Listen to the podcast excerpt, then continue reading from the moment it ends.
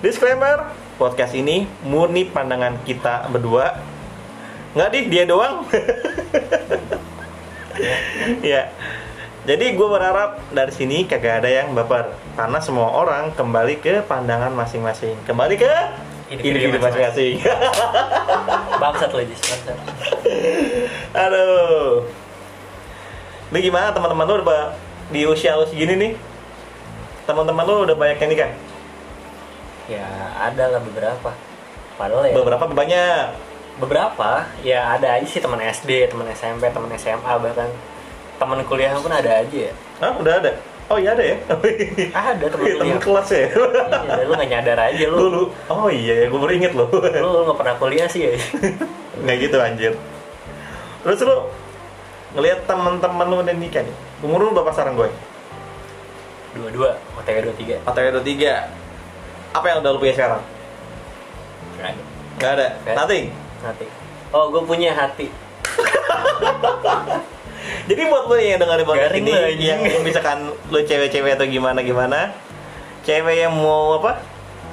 Mau sama gue, dia punya modal hati untuk di umur yang 23 ini. Lo pada mau nggak? Iya, nggak ada salahnya kan, bro.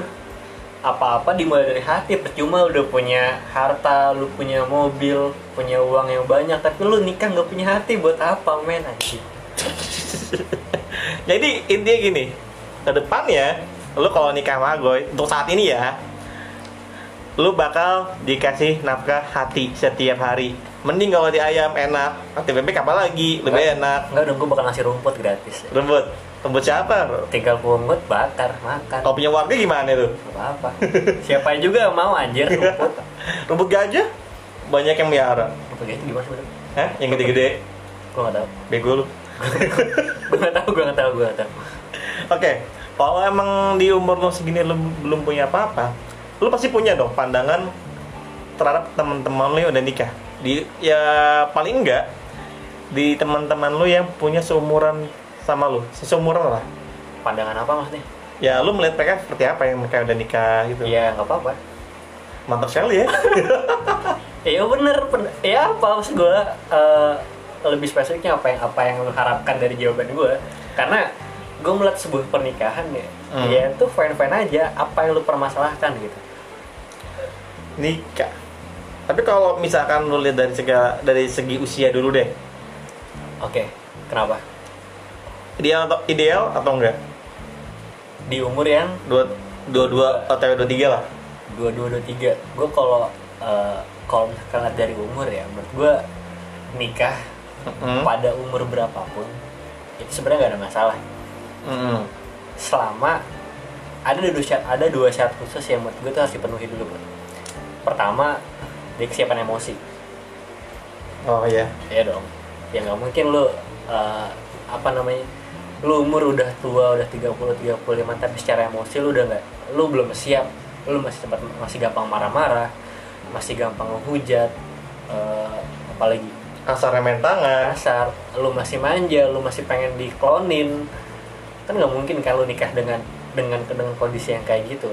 Kasihan Hmm. istri lu juga nantinya terus kedua eh, kesiapan materi ya yang gua nggak gua nggak memungkiri ya eh, kedua hal ini tuh sebenarnya dua hal yang harusnya bisa bisa dijalankan secara beriringan. Karena eh, sekalipun lu masih muda nantinya dan lu mau nikah lu masih 17 tahun gitu misalkan. 17 tahun mau nikah dan lu udah udah siap secara materi lu udah punya penghasilan sendiri walaupun gua nggak tahu dapetnya dari mana ya lu udah punya penghasilan sendiri eh, dan lu udah siap buat nafkahin istri lu ya it's fine gak ada masalah gitu. Jadi yang menurut gua nikah di umur berapapun sebenarnya ya itu pilihan lu. Selama lu bisa mempertanggungjawabkan pilihan lu sih. Karena kan yang yang yang jadi trik point gue sekarang kenapa pada akhirnya Hmm. gue berat bukan berat ya gue secara personal gitu. Secara personal gue berat buat memihak eh, Ke arah mana pandangan lo? ya Ah. atau atau atau gue berat untuk memilih buat nikah muda karena gue secara pribadi gue belum ada kesiapan materi. Ya, kita aja. Hati masih kurang. nggak bisa men. Lo nikah realistis anjing. Tadi lo bilang nih, tadi lo bilang, Bang, kasih kasih makan rumput masalah kelar. ya iya, iya itu tadi versi bercanda. Versi bercanda ini versi serius sih. Iya menurut gua eh, gua misalkan udah di umur 22 OTW 23 Iya kenapa? baru lulus belum ada kerja dan lu Hmm. pilih buat nikah karena nganggur gitu karena nggak ngapa-ngapain gitu. Dan lu, bingung. tapi tapi ada loh yang kasus di mana gitu Eh, ada anak SMA itu karena pandemi dia nggak ngapa-ngapain dia pilih buat nikah ada nikah sebagai solusi ya. nikah sebagai solusi Tapi kalau ngomongin nikah sebagai solusi nih, itu bukan terjadi di dunia SMA aja loh. Loh, ini mungkin ini mungkin sering lu dengar bercandaan ini. Gue capek ah kuliah, Nikah nikah, aja. aja. itu itu menurut gimana? itu menurut gue orang-orang yang kurang kasih sayang gue rasa Oh. Iya gak sih? Karena gini loh. eh, lu misal misal misal eh, misal ada cewek nih masih umur 18, 19. Mm. Nah, dia kan ketika ketika dia punya hubungan sama cowoknya itu kan yang dipikirannya kan yang anak-anak aja ya, yang uwu-uwu doang gitu kalau kata anak-anak sekarang. Nah, tentang lu berdua bareng, Udah bareng ke mana-mana serumah bareng, bareng, ngapain bareng. sekamar bareng. Iya, itulah. Nah itu kan itu kan yang dipikirnya kan cuma yang yang yang apa-apa yang bisa dilakukan berdua kan. Tapi di sisi lain eh, dia belum melihat ke permasalahan-permasalahan yang umum terjadi di pernikahan. Hmm. Lu ngomongin masalah beda pendapat, ngomongin keuangan, ngomongin apa lagi latar belakang orang tua, eh, intervensi orang tua, Itu ngomongin kerjaan, Iya, iya. ngomongin anak nantinya ngomongin gimana lu ngebutin kebutuhan anak ya segala macam itu kan belum belum sampai di, dibikin ke hal sana kan artinya ya mereka cuman nggak tahu sih ya eh, ini cuman eh, sepandangan gua doang dan apa yang gua temuin doang jadi kebanyakan orang-orang yang bercanda Hmm. gua nggak tahu bercanda atau serius ya yang gabut nih nih, mau nikah aja ya itu sebenarnya dia cuma butuh afeksi doang dari si pasangan Iya. tapi dia nggak nggak lihat hal-hal lain ya itu sih itu itu juga yang yang kadang jadi Mas. jadi permasalahan baru ketika Hmm. orang mutusin buat nikah muda ya Tapi banyak loh kasus-kasus di mana orang itu ke trigger cuma karena temannya nikah. Dia tuh lu tau kan bridesmaid? Bener ya gue kayak bener ya? Iya gitu. iya iya iya Mereka teman-teman teman-teman mereka dikumpulin berjajar jadi kayak pagar betis. lu mau pikir free kick susah tuh. Orangnya banyak Iya, kok. oke. ya kadang-kadang mereka ke trigger hal-hal kayak gitu kadang-kadang sampai bikin sampai bikin ungkapan kapan ya gue lakunya kapan gue bisa nyusul kapan gini gini. Sampai si pengantin si lempar bunga dia ikut ikutan bareng biar cepet-cepet nikah gitu kan? Eh katanya sih itu pro- apa mitosnya katanya sih Mitos. itu selanjutnya dia. Mitos. Nah, selanjutnya gitu. Nah cuman kalau punya pasangan juga enggak. Pasangan kan bisa dicari. Kan sekarang online udah banyak boy. Tinder micet anjing aja. Apa telegram? Ya kadang-kadang orang trigger mah kasus temannya tuh nikah dan dia cuma pengen-pengenan loh. Ah, dia coba ngeliat, ya bener kayak lu bilang uwu-uwunya doang, segala macamnya tapi mereka nggak pernah nggak gue nggak tahu ya. Mereka mungkin mereka masih melihat di uwu doang tanpa mikir yang tadi lu sebutin kayak banyak hal tadi itu iya iya. Itu menurut lo orang-orang kayak gini nih gimana sih? Maksudnya mereka ini apa sih yang sampai menurut lu nih menurut lu kenapa sih mereka sampai pengen banget nikah sampai harus kayak gitu gitu seolah tuh nikah tuh kayak kewajiban yang abis ini gua abis ini gua abis ini gua. Tanpa melihat pada diri mereka sendiri dulu gitu loh. Untuk menentukan apakah mereka bisa atau enggak. Ya itu eh, balik lagi poin gua tadi ya. Maksudnya eh, kebutuhan akan afeksi dari pasangan itu yang yang yang pengen mereka butuhin. Karena di usia-usia muda usia-usia ya sekitar 17-20an lah eh, itu kan usia di mana orang sedang eh, apa ya merasakan nikmatnya jatuh cinta nikmatnya berbunga-bunga oh iya kan dan dan mereka terjebak dalam imajinasinya dia Mm-mm. kalau kuliah ingatnya pulang pacaran Iya, karena iya imajinasi dia ya ketika lu berumah tangga, ketika lu bareng artinya lu bakal punya waktu yang banyak buat bareng-bareng terus. Iya. Dan di mana eh, kebersamaan mereka berdua itu yang yang akan terus membuat dia tetap berbunga-bunga. Maksudnya eh, hal-hal kayak gitu sih, maksudnya imajinasi mereka yang yang masih sebatas itu soal hubungan sampai pada akhirnya itu berdampak kepada sikap mereka juga yang menggebu-gebu, ayo nikah, ayo nikah, nikah. Padahal eh, dia sendiri ya ya mungkin belum siap entah itu secara materi atau finansial. Itu pun yang ya yang gue bilang balik lagi itu jadi permasalahan pada eh, pada akhirnya nanti ketika dia udah buat nikah. Dan biasanya nih dan biasanya nih Eh, dari beberapa yang gue lihat ini yang gue lihat ya. Jadi tiap orang punya sudut pandang sendiri dan kasus kasus kasus di teman yang tergantung individu masing-masing gue tampol habis ini. Enggak enggak enggak. Tapi emang pada dasarnya emang kesono gue karena pengalaman tidak bisa disamaratakan. Iya oke siap. Heeh, gitu loh jadi gue sering lihat eh, paling gampang rumus termudah untuk nikah adalah cewek yang baru kelar pendidikan entah SMA atau kuliah dijodohkan ah, nggak bertemu aja lah gue ngomong berjodoh. Kayak dijodohkan kayak kesannya dipaksa ya. Bertemu sama laki-laki yang udah mapan. Ah, ah.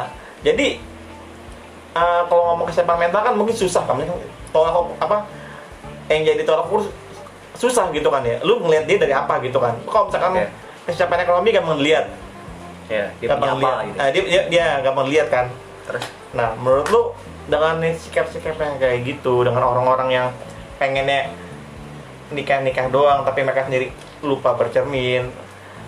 Ini nih sebenarnya kenapa sih? Kenapa sih orang-orang begini nih selalu ada rumus pengen dapet cowok yang lebih mapan? Sedangkan untuk memataskan diri sendiri jadi si ceweknya belum tentu bisa. Realistis men. Kenapa? Realistis ya orang ekonomi. Ya, iya ya orang mana ada yang mau gitu berumah tangga terus akhirnya dia melarat. Ya realistis ya bener ketika ketika ada orang dia baru lulus baru lulus Hmm. sekolah gitu lulus SMA dia pengen nikah dan dia ditemuin sama orang yang mapan dan akhirnya dia memilih untuk ya udah ayo nikah aja gitu. Itu pilihan pilihannya rasional ya. Karena sangat rasional. Sangat sangat rasional rasional dalam segi ekonomi. Dalam segi ekonomi karena si si cowok secara secara materi ya. Hmm. dan dan di atas kertas ya dia dia udah udah dianggap mampu untuk menghidupi si cewek. Jadi pada hari ya ya pilihannya wajar ketika si si si, si apa si cewek itu milih buat cari cowok yang eh, lebih mapan daripada diri dia. Dan yang kedua eh, ini gue lihat dari faktor budaya sih. Berarti nggak cuma faktor ekonomi kes- ada faktor budaya juga ada sih. faktor budaya. Jadi kan lu ya eh, berkaca aja deh. Kalau misalkan lu dengar cerita-cerita dari orang tua dari eh, nenek lu dari ibu lu itu kan banyak eh, ya Mhm. di mana apa ya ketika dia dia ketika dia udah dianggap dewasa dianggap udah puber gitu udah 17 secara 18 umur dan fisik? Secara umur lebih ya secara umur dan fisik ya. Iya. Itu udah dia dia memutuskan untuk di- bukan memutuskan jadi dia di- eh, dia didorong untuk ya udah soalnya lu nikah aja. Lu udah siap apalagi lu tunggu? Gitu. Karena konteks saat itu adalah aduh. Minum minum minum minum minum. Konteks saat itu adalah eh, orang-orang tua di eh, waktu itu masih mikir kalau misalkan tugas seorang wanita itu cuman tiga. Sumur dapur kasur. kasur. Itu rumus sederhana ya yang masih dikembangkan sama Iya. orang-orang boomer-boomer zaman dulu. Dan dan kita nggak bisa nolak kalau misalkan praktek itu itu masih berlaku sampai sekarang. Di kalangan tertentu ya kasur sumur dapur itu masih Iya. masih berlaku. Dan apalagi eh, apa namanya konteks agama dan dan dan di di di dielaborasikan dalam konteks budaya soal eh, peran laki-laki dalam rumah tangga yang mencari nafkah at- dan itu pun di, di, di dipertahankan sampai sekarang bahwa ya udah ketika pembagian peran antara si cowok dan si cewek si cowok cari nafkah si cewek eh, udah stay di rumah aja ngurus sumber dapur kasur Eh, pada akhirnya pemikiran-pemikiran kayak gitu yang bikin si cewek menganggap sebuah pernikahan adalah hal yang mudah. Karena lu nggak perlu mencari materi lagi lu cukup memataskan diri belajar masak nyuci Mhm. ngepel nyapu. Hal-hal yang eh, hal-hal yang berguna untuk kehidupan lu di rumah itu yang nantinya bisa lu lakukan di kehidupan rumah tangga lu. Tanpa lu memikirkan gimana nanti cara ngurus anak atau mungkin itu bisa termasuk ya atau eh, tanpa mikirin juga gimana cara cari duit. Iya jadi Ya, pemikiran-pemikiran pemikiran-pemikiran konvensional kayak gitu yang masih masih dipertahankan sampai sekarang dan ini masih diromantisir terus di generasi-generasi berikutnya. Dan sayangnya ya dari beberapa yang gue lihat ya kayak tren-tren nikah muda saat hari ini gitu ya terlalu mau melihat bahwa nikah ini cuma sebatas ya udah kita nikah ba- kita hidup bersama berdua punya cinta jalan. That's it. Iya iya bener itu Jadi, apa hal-hal eh. yang menurut dia ringan sampai dia dipertahankan? Karena kalau nikah ya udah kayak gitu aja. Dia punya pemikiran kayak gitu Nah, karena itu, kayak kata gue bilang, yang gue bilang tadi barusan, ya, dan apa yang lu kontakkan tadi, akibatnya sumur dapur, su- salah, seumur kasur dapur nah ya cuma balik-balik doang sama Iya, aja. itu akhirnya menjadi satu patokan wajib buat cewek. Padahal kalau secara langsung, banyak orang-orang tua sekarang yang ibunya bekerja apa. Jadi kan kita melihat bahwa cewek ini kemampuannya nggak cuma di tiga, tiga bidang itu aja. nah itu Nah, Ya. itu kan jadi hal yang menarik tuh. Wah, ini loh nikah tuh sebenarnya bahasa kasarnya saling bahu membahu, ya patungan hidup lah bahasa kasarnya lah, patungan hidup. ya Di mana lu bisa menyusun, di mana pandangan cewek itu terhadap pernikahan bisa bukan cuman di sono aja tiga sektor tadi, tapi juga bisa sebagai Sama- penentu. sebagai, sebagai pencari duit juga Nggak lebih dari itu, gue. ya oke Dia Mungkin bisa jadi, lebih ya? Ah, dia bisa Ya, punya peran lebih. punya peran lebih bahkan dia punya posisi posisi tawar lebih di mana pendapat dia lebih diangkat apalagi cewek-cewek yang punya pemikiran ingat ya kalau mau pemikiran tuh nggak cuma dari pendidikan aja ya karena kalau kita ngomong pemikiran tuh patokannya pendidikan padahal nggak juga. Ya, ya, lingkungan segala Nah, macam ya. Jadi gue di sini ngomong secara general aja ya. Gue nggak akan mematokkan mematokkan orang-orang Ya. orang-orang berpendidikan berpendidikan tinggi harus seperti ini. Ya. nggak gue nggak gue menolak gue menolak pandangan tentang itu. Nah jadi cewek-cewek yang punya pandangan lain tentang pernikahan yang harus bisa membantu suami ini jadi redup loh. Kadang-kadang ada orang akibat ada stigma cewek sumur dapur kasur si cewek-cewek yang punya standar tinggi cewek bukan standar tinggi maksudnya kualitas yang pemikirannya udah oke gitu pemikiran bisa ngebantu yang rumah tangga. yang juga punya high value iya itu bener-bener banget sih asli. Itu malah jadi ketutup sama tren-tren nikah yang penting serumah bareng. Hmm. nah menurut lu gimana? Apa? Bener atau enggak itu? Itu bener atau enggak? Itu bener Iya, atau enggak? Pandangan iya. kita bakal pandangan konservatif yang masih dipiara itu bakal nutup pandangan masyarakat kita yang sebenarnya banyak cewek-cewek tuh udah pada kerja itu loh enggak enggak enggak harus menutup sih ya kalau menurut gue ini malah eh, bakal ngasih kayak semacam Apa? diferensiasi aja eh, perbedaan aja antara tipe-tipe cewek mana nih eh, yang dia punya pemikiran konvensional soal pernikahan atau lebih moderat oh lebih menyaring ya mungkin jatuhnya Iya. lebih mengidentifikasi Iya. mengidentifikasi mungkin iya. Hmm. karena pun eh, kalau menurut gue ya eh, cewek-cewek yang punya pikiran moderat soal pernikahan itu pun secara jumlah tuh nggak kalah banyak. Untuk saat ini ya. Untuk saat ini. Apalagi dengan eh, apa namanya akses informasi akses pendidikan terus eh, lingkungan sekitar juga. Mm-mm. di sekolah atau kuliah atau apa itu kan secara nggak langsung kan eh, bisa mendukung pemikiran si cewek itu juga. Jadi itu hal-hal yang eh, apa ya nggak perlu dipungkiri juga sih kalau misalkan secara jumlah cewek-cewek yang mentingin dirinya sendiri di atas pernikahan tuh masih banyak juga. Iya. Cuman mungkin kita belum belum nemu yang banyak aja. Iya. Tapi emang tapi lu sendiri nih gue dari kasus lu sendiri. Lo nemu nggak sih cewek-cewek yang dengan pemikiran seperti itu Anjing yang lu bangsa gua tai. Nemu gak sih kayak kayak apa yang gua denger nih bener-bener udah pernah lu rasakan kayaknya nih nah dari pengalaman lu nih gue pengen tahu ada nggak sih cewek-cewek gue gak gue gak mau sebut nama cuman pernah nggak sih ketemu cewek-cewek dengan pemikiran model seperti itu? Kampret lu kampret. Ada atau enggak masalah personal lu bawa sini. Oke oke gua gua gua nggak lihat dari sisi personal nih. Tapi tapi Iya, emang iya. enggak tapi emang bener itu. Saya ketika lu nemu itu kan kita kita kita bawa perso- persoalan pribadi untuk untuk apa ya untuk untuk topik yang sifatnya subjektif nggak salah dong. Iya. Ya oke. Malah lebih relate loh biasanya loh biasanya. Bisa Iya. lebih relate. Oke tapi gue sih tanpa menyebutkan nama dan cerita ya. Ya. Latar belakang. kan cuma nanya iya kok kan pertanyaan gue Iya. simpel pernah atau enggak? Enggak gua gua akan menjawab cukup panjang soalnya di sini. Oh ya? Oke. nggak panjang sih nggak panjang sih. Cuman ada beberapa, beberapa poin yang menurut gue beberapa poin yang menurut gue ini relate gimana gimana? Bentar. Bangsat. Ya. Jadi emang kan gue pernah ketemu dua eh, ada lah. Dua cewek. Yang menurut gue eh, dia emang punya pemikiran yang sangat kontras antara keduanya. Hmm. di mana cewek pertama ini adalah cewek yang eh, dia selalu punya pandangan kalau misalkan nikah tuh nggak boleh tua-tua lu udah umur 24, 25 artinya lu udah harus nikah lu harus, lu harus udah siap nikah di waktu itu Siap nikahnya tuh, oh tadi gue potong ya. Siap Oh. nikah ini dia eh, punya patokan tertentu nggak? Atau emang udah kudu nikah gitu? iya dia udah nikah Pat- iya dia dia udah harus nikah Berarti tanpa melihat patokan. patokan apa sih mas? Patokan misalkan dia siap secara mental, secara ekonomi. No, Intinya Enggak. harus nikah. harus nikah Mat, eh, mentah banget dong kayak gitu. mentah Terus terus.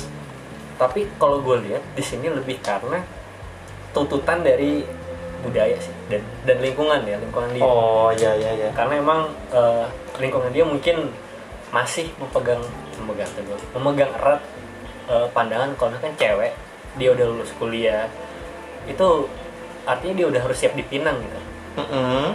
Siap dipinang sampai hari itu pandangan-pandangan kayak gitu yang yang yang yang dia dia resapi sampai dia tuh jadi eh, apa ya? Jadi, ya dia dia jadi punya punya pandangan kayak gitu juga gitu. Dan di sisi lain gue juga pernah ditemuin sama orang yang eh, dia lebih mengutamakan dirinya dan keluarganya dulu ketimbang pernikahan. Artinya eh, misalnya setelah dia lulus setelah dia setelah eh, dia lulus kuliah gitu dia harus kerja dulu eh, apa namanya ningkatin kemampuannya dia dulu ngebantu kehidupan orang tuanya dia dulu punya Hmm. rumah sendiri dulu. Kalau bisa bahkan eh, dia aktif terlibat dalam eh, apa namanya ya, aksi-aksi sosial kayak gitu. Entah itu dia bikin panti asuhan atau ter- terlibat dalam organisasi-organisasi sosial gitu lah ya. Berarti emang intinya dia Jadi- mengasah dulu dalam dirinya dulu. iya. Eh, Nah itu maksud gue, itu pun kalau menurut gue ya eh, pemikiran-pemikiran kayak gitu pun emang sangat dipengaruhi dari faktor lingkungan. C- eh, orang yang pertama gue sebutin yang dia kebelet nih, bukan kebelet. Gak sebanget kebelet. kebelet nikah fun. Kebelet kawin beda cerita. Iya, iya, yang yang dia yang dia punya pikiran kalau misalkan dia eh, harus nikah di usia tertentu ya, Eh, tanpa ada bekal sebelumnya, itu pun emang dipengaruhi dari faktor lingkungannya dia juga. eh, iya iya. jadi ya sekalipun dia punya pilihan eh, untuk mengembangkan dirinya dulu gitu misalnya. Hmm. tuntutan dari lingkungan ini yang yang jadi beban sendiri. Sampai pada akhirnya ya dia mau nggak mau Harus ikut pada yang lingkungan, Lingkungan itu, pandangan lingkungan iya. itu. Itu kenapa? Balik lagi ke argumen lu tadi. Kalau misalkan untuk memenuhi kebutuhan hidupnya itu yang dia belum siap secara materi mungkin ya. Itu dia harus dapat cowok yang lebih mapan dari dia jadi artinya gue nggak berani nyebut ini sebagai eh, hal yang menguntungkan untuk si cewek ya tapi menurut gue eh, untuk secara langsung iya sih. iya Tapi kan tapi, tapi secara langsung iya sih. tapi dihadapkan dengan dengan kondisi kayak gitu pilihan apa yang rasional yang bisa dilakukan adalah Ya yang- itu. iya Eh, jadi walaupun jatuhnya si cewek kalau gue jahat jahatnya ngomong ya si cewek ngikut si cowok gitu kan Eh, apa namanya? Gue tadi ngomong aja poin gue lupa gue iya kalau kalau- jahatnya si cewek. Gimana sih? Lu? jahatnya si cewek ng- ngikutin kehidupan si cowok ya itu emang emang itu pilihan yang diambil demi uh, Keberlangsungan hidup kan. keberlangsungan hidupnya dia. Cuma beda halnya ketika uh, pada contoh kasus kedua di mana si cewek lebih mengembangkan dirinya mengembangkan dirinya dulu punya kerjaan dulu punya tabungan dulu artinya pun tanpa ada si cowok dia dia udah mandiri untuk menghidupi dirinya sendiri dia udah cukup independen Kalau tuh istilahnya apa? Istilahnya? gue menyebutnya sebagai high, high value female Us. Anjing. Mahal nggak tuh? mahal Waduh. high value female ya emang Yang yang apa yang apa ya? Kalau misalkan kalau mau minang nggak bisa dengan I love you doang nggak bisa ya? Iya itu nggak bisa. Nggak bisa dengan I love you doang. Bahkan lu dalam tahap pendekatan lu butuh butuh berbulan-bulan bahkan mungkin bertahun-tahun buat itu. Saking apanya tuh? ya karena lu kita coba lihat dari dari dari posisinya dia dulu. Hmm. Eh, gambaran dia dia udah punya kerjaan, dia udah punya tabungan, dia udah punya harta, dia udah bisa ngebantu hidupin orang tuanya, dia udah bisa ngehidupin diri sendiri. Kalau udah kayak gitu, apalagi coba dibutuhkan? Gak mungkin dong.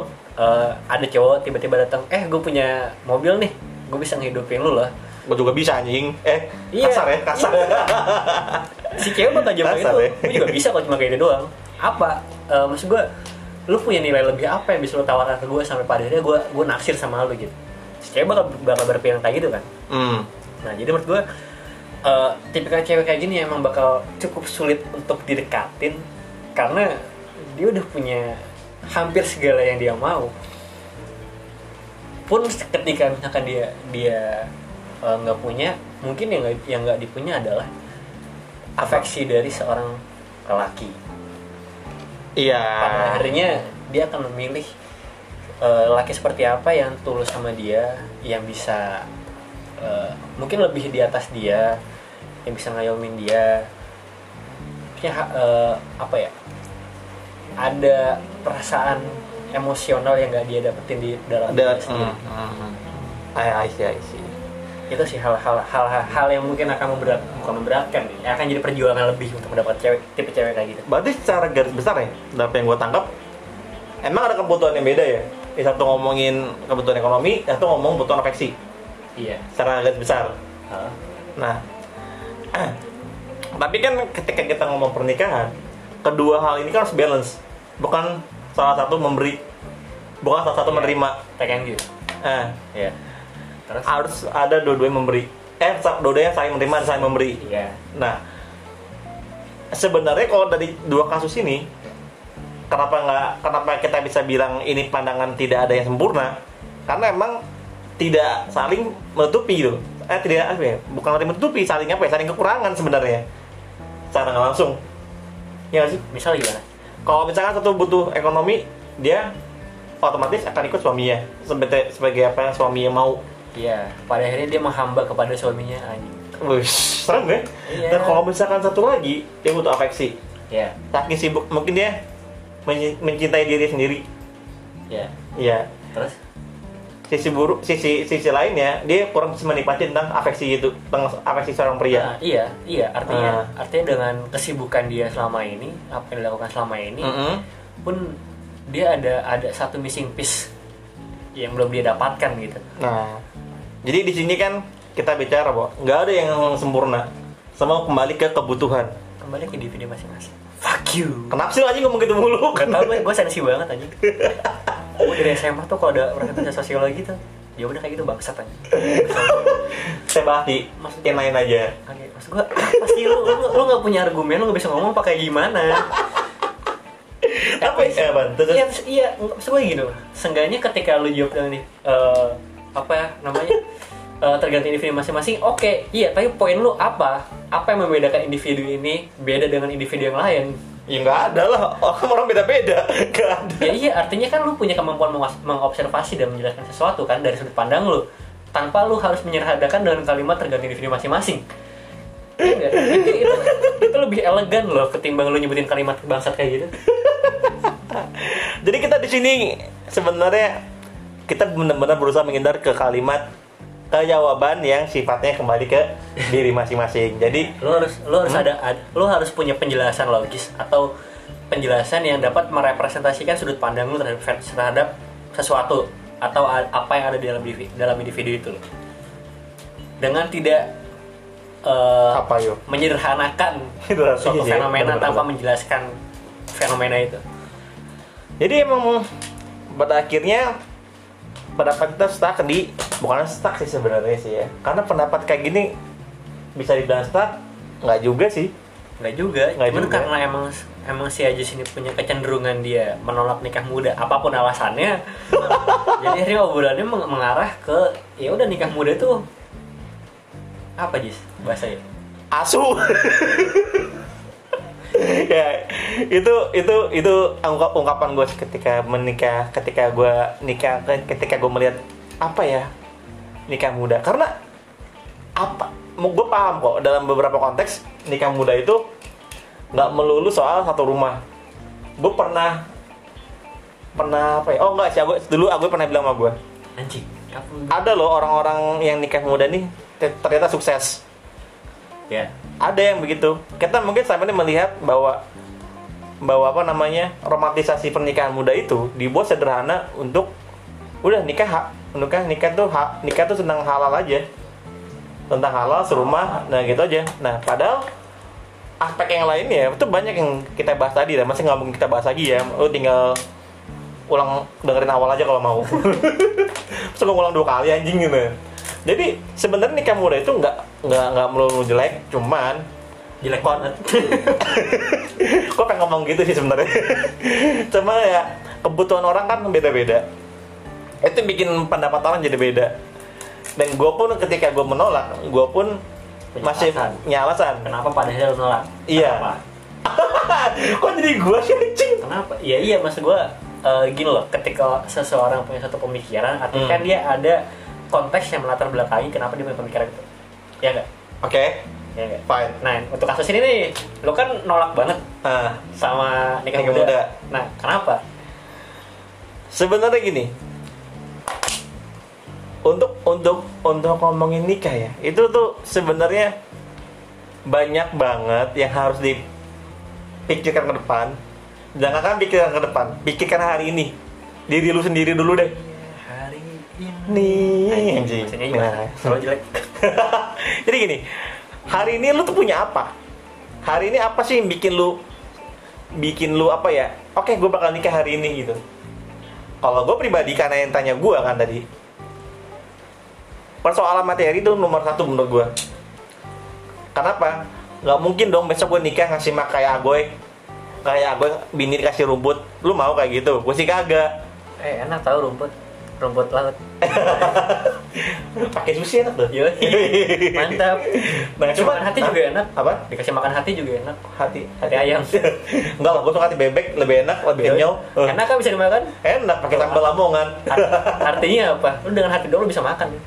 Itu kalau lo mau nikah sama Agoy, sama gue sih enggak, enggak begitu, enggak begitu. Jadi begitu men, jadi buat lo yang denger nih, gue sih sering ngerasa kalau emang nikah muda itu pertanggungjawabannya itu berat. Nikah itu tanggung jawab itu berat. Bukan arti gue menolak menikah enggak. Tapi gue lebih melihat kepada kemampuan gue sendiri dulu. Apa sih yang gue punya hari ini sampai gue bilang gue pengen nikah? Ya, ngomongin apa? Iya kan lanjutin lanjutin lanjutin. ngomongin ngomongin harta oke gue belum siap. Ya. terus ngomong kedua ngomong mental. Ngomongin kesiapan kesiapan kesiapan mental. Gua lihat anak kecil yang saja masih puyeng men besok punya anak gimana? Itu kan berarti kan harus ada mental yang harus diterpa dulu. Dan itu nggak cuma ngomongin anak kecil nangis saja tapi bagaimana gua nantinya ketika gue me karena gue sebagai laki-laki ini ngomong konstruksi sosial di mana gue harus me, apa merangkul calon istri gue nanti. Kemampuan gue untuk untuk apa ya? Untuk melihat untuk untuk merangkul cewek cewek untuk satu pemikiran tuh kan kadang-kadang masih susah. Apalagi kalau cewek punya pemikiran lain gitu kan di situ kan emang enaknya sisi positifnya emang selalu ada pandangan yang lain. Tapi kalau ketika kedua pandangan itu berbeda dan lu nggak bisa menarik kesimpulan atau nggak bisa menarik garis tengah lu bakal terbang ambing lu bakal terbang ambing karena itu karena kalau gue bilang kesiapan mental dan kesiapan ekonomi itu masih jadi number one priority buat gue pribadi. Jadi gue belum siap untuk nikah. Oke. di umur gue yang udah tiga dua empat gue belum siap Bukannya 2627. tai lu mana ada anjing gue belum siap gue belum siap banget karena nikah itu bukan cuman perkara apa ya ngasih anak bikin anak kelar gitu Si anak. Ya. bikin anak kelar Lo harus bertanggung jawab dengan kehidupan anak lo. Gimana ntar lo ketika anak lo bandel, nah ketika anak lo ngelempar batu ke anak orang lain terus diberdarah. Tapi ada tau kasus gue. iya ada gitu Kemarin tetangga gue anjing. Sumpah. bodoh banget ya. Tetangga gue ngeselin anjing itu anak kecil masih Ah. masih lima enam tahun kali. Lagi main, nipu batu nempok batu ke anak ke temennya, pala kena kaki kena, berdarah copot dong kukunya. anjir gue dengernya Serius? Maksudnya, maksudnya permasalahan-permasalahan kayak gitu kan lu harus harus siap juga kan. iya Lu di sisi lain lu pengen main si anak lu, tapi di sisi lain anak lu masih kecil belum bisa dimarahin gitu kan. Nah nggak mungkin dong lu bilang ke anak lu nggak apa-apa nak. Lu juga papa pernah bandel. Iya. Ya bener sih lu, lu tapi tapi itu kan anak kalau di, anak kalau dikasih kasih dikasih menurut, menurut pandangan gue ya anak kalau dikasih pandangan kayak gitu bukan yang memperbaiki kesannya kesalahan kesalahan malah dimaklumi terus anjing Nah itu, itu sih eh, maksudnya kemampuan berkomunikasi kita sama anak juga harus perlu diperhatiin sih. Artinya jangan sampai lu menormalisasi dan bahkan terlalu apa namanya, terlalu marah-marah si anak sampai akhirnya si anak takut gitu kan. Hmm, hmm. Itu pun selain ya berarti berarti nambah lagi Jis. apa tuh Bukan cuma kemampuan eh, lu mengelola emosi doang, tapi gimana caranya lu mampu ber- eh, mengelola apa ya ucapan-ucapan lu ke anak lu biar bisa diterima.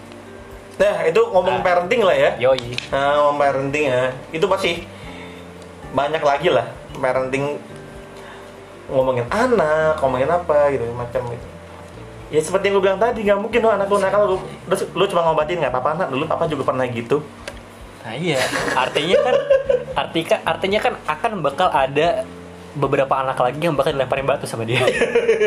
kan udah nggak wajar Karena dia nggak wajar. Nggak wajar makanya jadi pada intinya kenapa gue bilang nggak siap?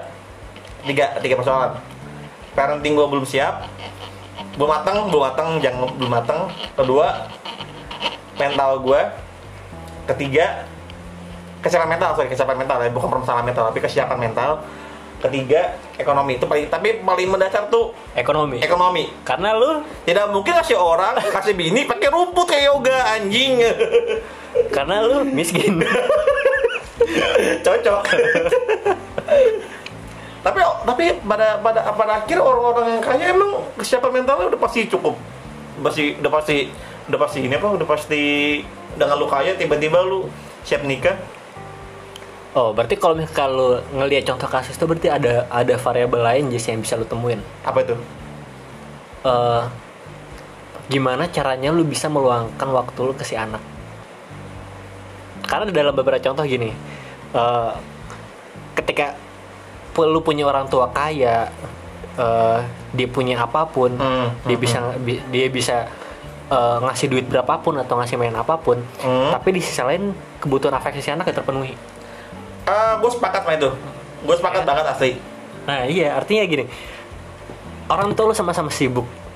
Ya oke pada akhirnya Emak bapak lu bisa ngasih Semua yang pengen iya, lu pengen. eh, iya.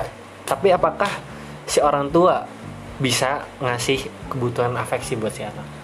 Perhatian Nyuapin makan Nemenin tidur mungkin ter- ter- mungkin terdengar sederhana dan terdengar semua orang bisa. Tapi nggak semua kayak gitu ya tapi nggak semua begitu. Kembali lagi makanya gue bilang yang namanya parenting itu bukan cuman sekedar nyuapin doang. Nggak cuman cebokin anak doang. Tapi ada pemberian afeksi di dalam situ yang di mana anak tuh pasti butuh. Nah, ini ini gue berkaca dari ini ya. Eh drakor Reply 1998 Aduh, kenapa eh itu? 1988 jadi ada satu tokoh eh, utama dia diceritakan sebagai anak orang kaya bapaknya Hmm. itu kepala sekolah eh Hmm. nggak tahu kepala sekolah nggak tahu guru ya dan ibunya tuh kayak semacam direktur keuangan di salah satu bank Hmm. tiap pagi mak bapak ini selalu berangkat duluan sebelum si anaknya berangkat Hmm. jadi si anaknya sarapan sendiri eh, terus nyiapin apa apa sendiri dan di situ juga diceritain kalau si anak tuh akhirnya suka nyoba nyoba hal-hal yang pada akhirnya itu berdampak negatif kepada si anaknya. Contohnya? Kalau di di film itu ya di drama itu si anak tuh ikut-ikutan eh, naik motor sama temennya Hah? padahal dia nggak bisa naik motor terus dia jatuh. Nah terus eh, ketika dia udah pulang sudah waktunya makan di Hmm. rumah nggak ada makan dia datang ke rumah tetangga minta makan eh oh, sampai segitunya ya? Itu semenjadi semenyedihkan itu men. Ah. makanya makanya baik lagi ke poin tadi kalau ya oke lu punya materi banyak tapi apakah lu bisa ngejamin waktu lu buat si anak? Itu itu kalau itu gambaran gambaran cukup tragis sih. Ya, tapi itu cukup cukup cukup mendalam loh. Cukup mendalam dan emang di di di dalam di cerita itu juga si si orang tuanya suka ngasih duit Eh, Ya, intinya- apa dibeli? Ah, intinya- tapi dia nggak dapat afeksi dari orang tuanya. apa ya? Kecukupannya sebenarnya eh, apa yang emang sebenarnya selalu, selalu tercukupi. Iya. Secara ekonomi ya? Secara ekonomi. secara materi. Materi ya? Materi, Secara materi, materi.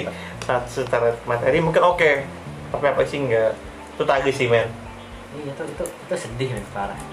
Makanya di sini eh, kita kalau ngomong parenting lagi sebenarnya tuh bener-bener kompleks ya. Nggak cuma tentang ngasih makan doang. Nggak cuma nidurin anak doang btw nih bisa jadi dua konten sih kayaknya. Oh iya? Oh iya. Kasih kan ngobrol gue. Oke gue balik ke nikah muda nih gue. Itu the point aja. Lebih ke trigger temen nikah apa lebih ke trigger, ke trigger?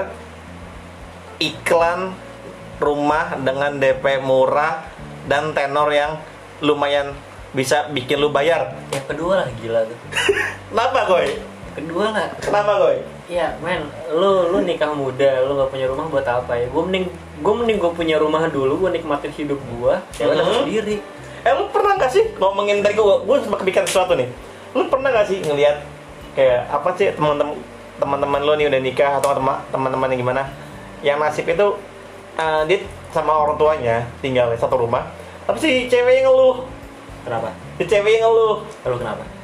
Aku tuh nggak bisa tiap hari kalau mertua aku tuh tiap hari ngomel-ngomel mertua aku tiap hari ada masih nyari kesalahan ibarat katanya sih nyari kesalahan iya, iya. Ah. Maksudnya, eh, hal-hal itu ya sering terjadi sih emang ketika lu tinggal dengan mertua dan pada akhirnya ada omongan-omongan atau kebiasaan dari, dari mertua lu yang hmm. nggak seret di lu gitu karena ada perbedaan nilai antar keduanya kan. oh iya Dan itu kenapa? Lu mending punya rumah dulu dibanding nikah dulu. lu buat menghindari hal itu aja. karena karena dalam pernikahan itu salah satu yang menyeramkan loh masalah kayak gitu. intervensi orang tua intervensi orang tua itu itu itu asli Iya. karena temen gue ada ngalamin kayak gitu Nah, kan. iya Belum lagi kalau Sampai- misalkan, eh. misalkan posisi lu cewek deh lebih lebih rempong lagi.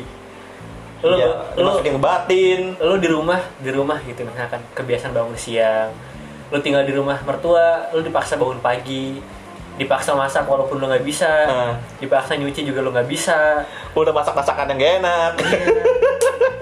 Terus udah sebulan dua bulan gitu. Ditanyain lagi udah ngisi belum? Sedangkan lu masih pengen nggak punya anak dulu. Ah, beban beban beban beban kayak itu kan akan selalu ada buat si cewek. Kalau si cowok yang mungkin dilihat dari eh, misalkan hari ini lu kerja nggak? Tabungan berapa? Hmm. duit lu berapa bisa nyukupin anak gua nggak? Nah, tetap aja maksudnya apa pun yang lu lakukan akan selalu ada poin negatif. Lu akan selalu menjadi antagonis di kehidupan orang lain. Anjing gue sepakat sih. Gue hampir terdiam loh tapi gue sepakat. Lu akan selalu dapat kurang-kurangnya di orang lain. Iya. Itu kenapa? Hmm. lu nikah udah paling bener rumah sendiri. Rumah sendiri. Jadi jadi intinya bikin trigger yang iklan rumah. Ikan rumah jelas. Ke rumah lah. Gue pernah aja satu daerah di penghujung kuningan. Ada ikan rumah kayak tai.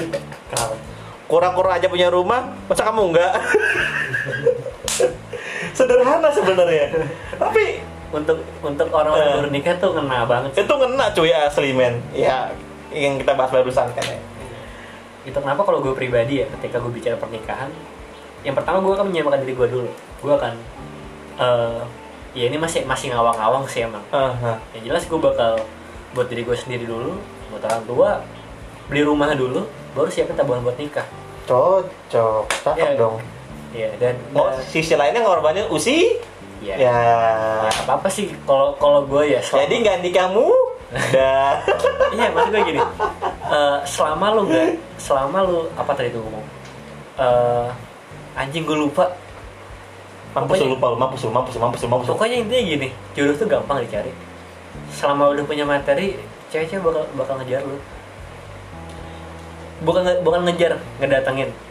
Terkadang kita selama lu nggak terlibat cinta buta ya. Ya nih tahu pernah nggak sih nemuin teman-teman nih kayak apa yang modelnya? Dia matok standar untuk pasangannya. Kayak Gua, misalkan gue pengen pasangan gue yang gajinya 8 8 juta bukan 8 digit ya gila aja 8 digit gila lu ya nggak apa-apa ya ada cucu sultan ya Iya. Terus, terus harus punya ini ini kesan saat mau kerja pendidikan S1 tinggi 175 berat badan ideal pengalaman nikah 2 tahun Gak nggak, nggak, nggak, nggak, Lu bikin, bikin CV kayak gitu. Eh, nah Kayak ini bego. Apa? Eh, apa namanya? Raruf. eh Gue pernah baca tuh ada salah satu cerita di koran. gimana gimana gimana gimana Jadi Asik nih eh, kayaknya. Ada cowok eh, bukan cowok ya. Kayaknya ada kayak kayak semacam forum gitu Ah, yang eh, mau memfasilitasi orang yang pengen taruh pengen taruh Itu di mana gue? Kora ya? ceritanya di Quora Oh, ceritanya di Kora. ceritanya di Quora cuma gue lupa eh, maksudnya eh, Kejadiannya di platform mana? Nah, itu. Ah. jadi buat si cowok-cowok yang pengen taruh itu dia harus nyerahin CV-nya dia dulu Anjir. CV iya bener asli Eh, kayak misalkan pokoknya ya sama kayak sama kayak CV kerja cuma bedanya ini buat menarik hati perempuan gitu Lebih, lebih spesifik lah ya. iya Lebih spesifik Dan hal kayak gitu. dan nanti si ceweknya tuh ngebaca dia Hmm. tertarik atau enggak nih kalau tertarik ya udah ayo kenalin bukan bukan nggak nggak secara langsung ya Gue ragu. Enggak, gue ragu. Jangan-jangan si ceweknya itu keluarga HRD anjing. Ini jangan-jangan gue ragu. cuman ya ya menurut gua Adminnya ini HRD bacot. sebut merek lu bangsa oh iya, sorry. Gue coba gue bercanda doang, bercanda doang, bercanda doang. Asli gue bercanda doang. gak apa-apa sih tapi menurut gua ya dengan dengan tren Terus sih. Terus terus. dengan tren nikah muda kayak sekarang forum-forum kayak gitu yang perlu di yang perlu di di, di apa diadakan sih ketimbang lu modusnya lu pengen taruh tapi si bangsatnya lu taruhnya secara langsung ke ceweknya Lah bukan taruh lah anjir itu namanya. modus anjing Lah kok taruh dia kena oh, kenalan langsung? Eh bukan taruh lah. iya iya maksud gua kan banyak loh Ah, Uh, ada beberapa cerita di mana uh, si cewek nih dideketin sama cowok bilangnya "Uh, kamu udah pengen serius belum udah pengen, oh. udah pengen nikah belum Hmm. aku pengen taruh deh sama kamu tapi ngomongnya langsung Lah. bangsa Kok bisa bisanya? ini ini ini kayak apa sih namanya pemuda hijrah tapi tanggung gitu Kentang ya? tentang ya lu pengen hijrah tapi lu nggak tahu ilmunya sebenarnya kalau taruh kan emang emang dia butuh perantara Hmm. dan di mana perantara itu menghubungkan antara si cowok dengan orang tua si cewek bukan si ceweknya secara langsung Iya, iya. jadi iya. si cowok si cowok cuma dengar cerita dari si perantara dan orang tua si ceweknya gitu Mantap, mantap. taruh tuh taruh tuh pahit karena lu nggak tahu model di calon istri lu kayak gimana Itu sama aja kayak lu nge-swipe orang di, di Tinder. kenapa Hah? kenapa Di profil cantik, minta sama-sama match, ketemuan, ya zong jadi kenapa kalau gue bilang jadi ya gue sebenarnya nih kenapa gue lebih suka konsep pacaran dulu pacaran lama tapi nikahnya nanti nikahnya ya sih kalau nikahnya bisa nanti nanti nanti nanti. Oh. karena untuk mengenali karakter orang itu nggak gampang men. Betul. Lu pacaran 2 tahun udah tahu karakternya gini gini betul. Emang lu yakin ke depannya bakal kayak gitu? Betul. Ya meskipun pada akhirnya emang tidak emang kalau misalkan dibalikin keadaannya dengan kenalan muda juga tidak menjam, kenalan cepat tapi ti- tidak menjamin dia bakal sesuai dengan ekspektasi lu. Tapi sisi lain ketika lu pacaran lama ketika lu pacaran lama lu seenggaknya lu sendiri yang menilai. Nah, lu sendiri yang lebih tahu. tapi Jis nih gue Apa? gue punya pertanyaan soal ini Jis. Apa apa apa apa Eh, lu sepakat gak kalau misalkan pacaran adalah suatu media buat? untuk mengenal untuk mengenal secara mendalam cewek lu eh setuju. sebelum gila, sebelum lu ajak ke jenjang lebih serius. Wah, wah, gila lu setuju banget anjing. Setuju. Eh, berarti lu ada di posisi ada di posisi mana? Lu dari lu. Hmm. lu eh, mending pacaran untuk mengenal atau mengenal dulu baru pacaran? Gimana gimana gimana? Ulang ulang lu ada di posisi eh, apa namanya? Pacaran dulu untuk mengenal si pacaran cewek. untuk mengenal. Atau mengenal si cewek dulu baru pacaran sebenarnya ter- terdengar sebenarnya kayak diputar-putar doang. Diputar-putar. tapi maknanya beda. Beda. Kalau karena gua karena di karena posisi gua pacarannya ini gua pe- pengalaman pribadi aja ya. Karena gua saat ini gua menjalin hubungan yang sudah lama ya dan gua ternyata sama pacar gua menye- baru belajar untuk apa belajar untuk saya mengenal. Ya jadi gua lebih memilih untuk pacaran untuk mengenal. Untuk kondisi gua saat ini oke berarti berarti gini.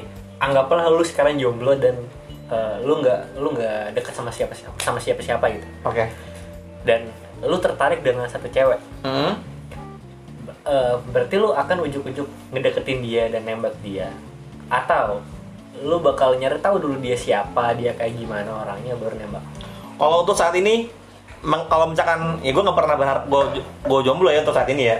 Tapi kalau misalkan keadaannya demikian, itu ini ini Ah. ini ini contoh kasus Contoh. kondisi, lu masih jomblo oke, gue bakal milih untuk mengenal dulu baru pacaran. oke Iya. Iya, gue pun ada di, ada, di- ada di posisi itu sih. Emang gue dulu awalnya gue sempat mikir kalau misalkan eh, pacaran itu adalah sebagai media lu buat mengenal pacar lu Hmm. sebelum lu menjenjang ke tahap yang lebih jauh. Jadi gue dulu sempat menganggap bahwa pacaran itu adalah hal yang ringan, hal yang remeh-temeh. Lu pacaran pas maba ya? Iya, pas maba. Oh pantas hype kuliah pacaran kuliah pacaran kuliah pacaran. Iya gitu. iya gitu. Gue Gue masih ada dia hype kayak gitu ya? Iya. Hype maba ini maba kuliah ala ala sinetron ah TV. Iya. Oh, TV. Kuliah balik pacaran gitu. gue gue dulu sempet gitu. Dan gue dulu mikir kalau eh, lu pacaran dan ketika lu nggak ngerasa cocok ya udah putus. Iya. Segampang itu.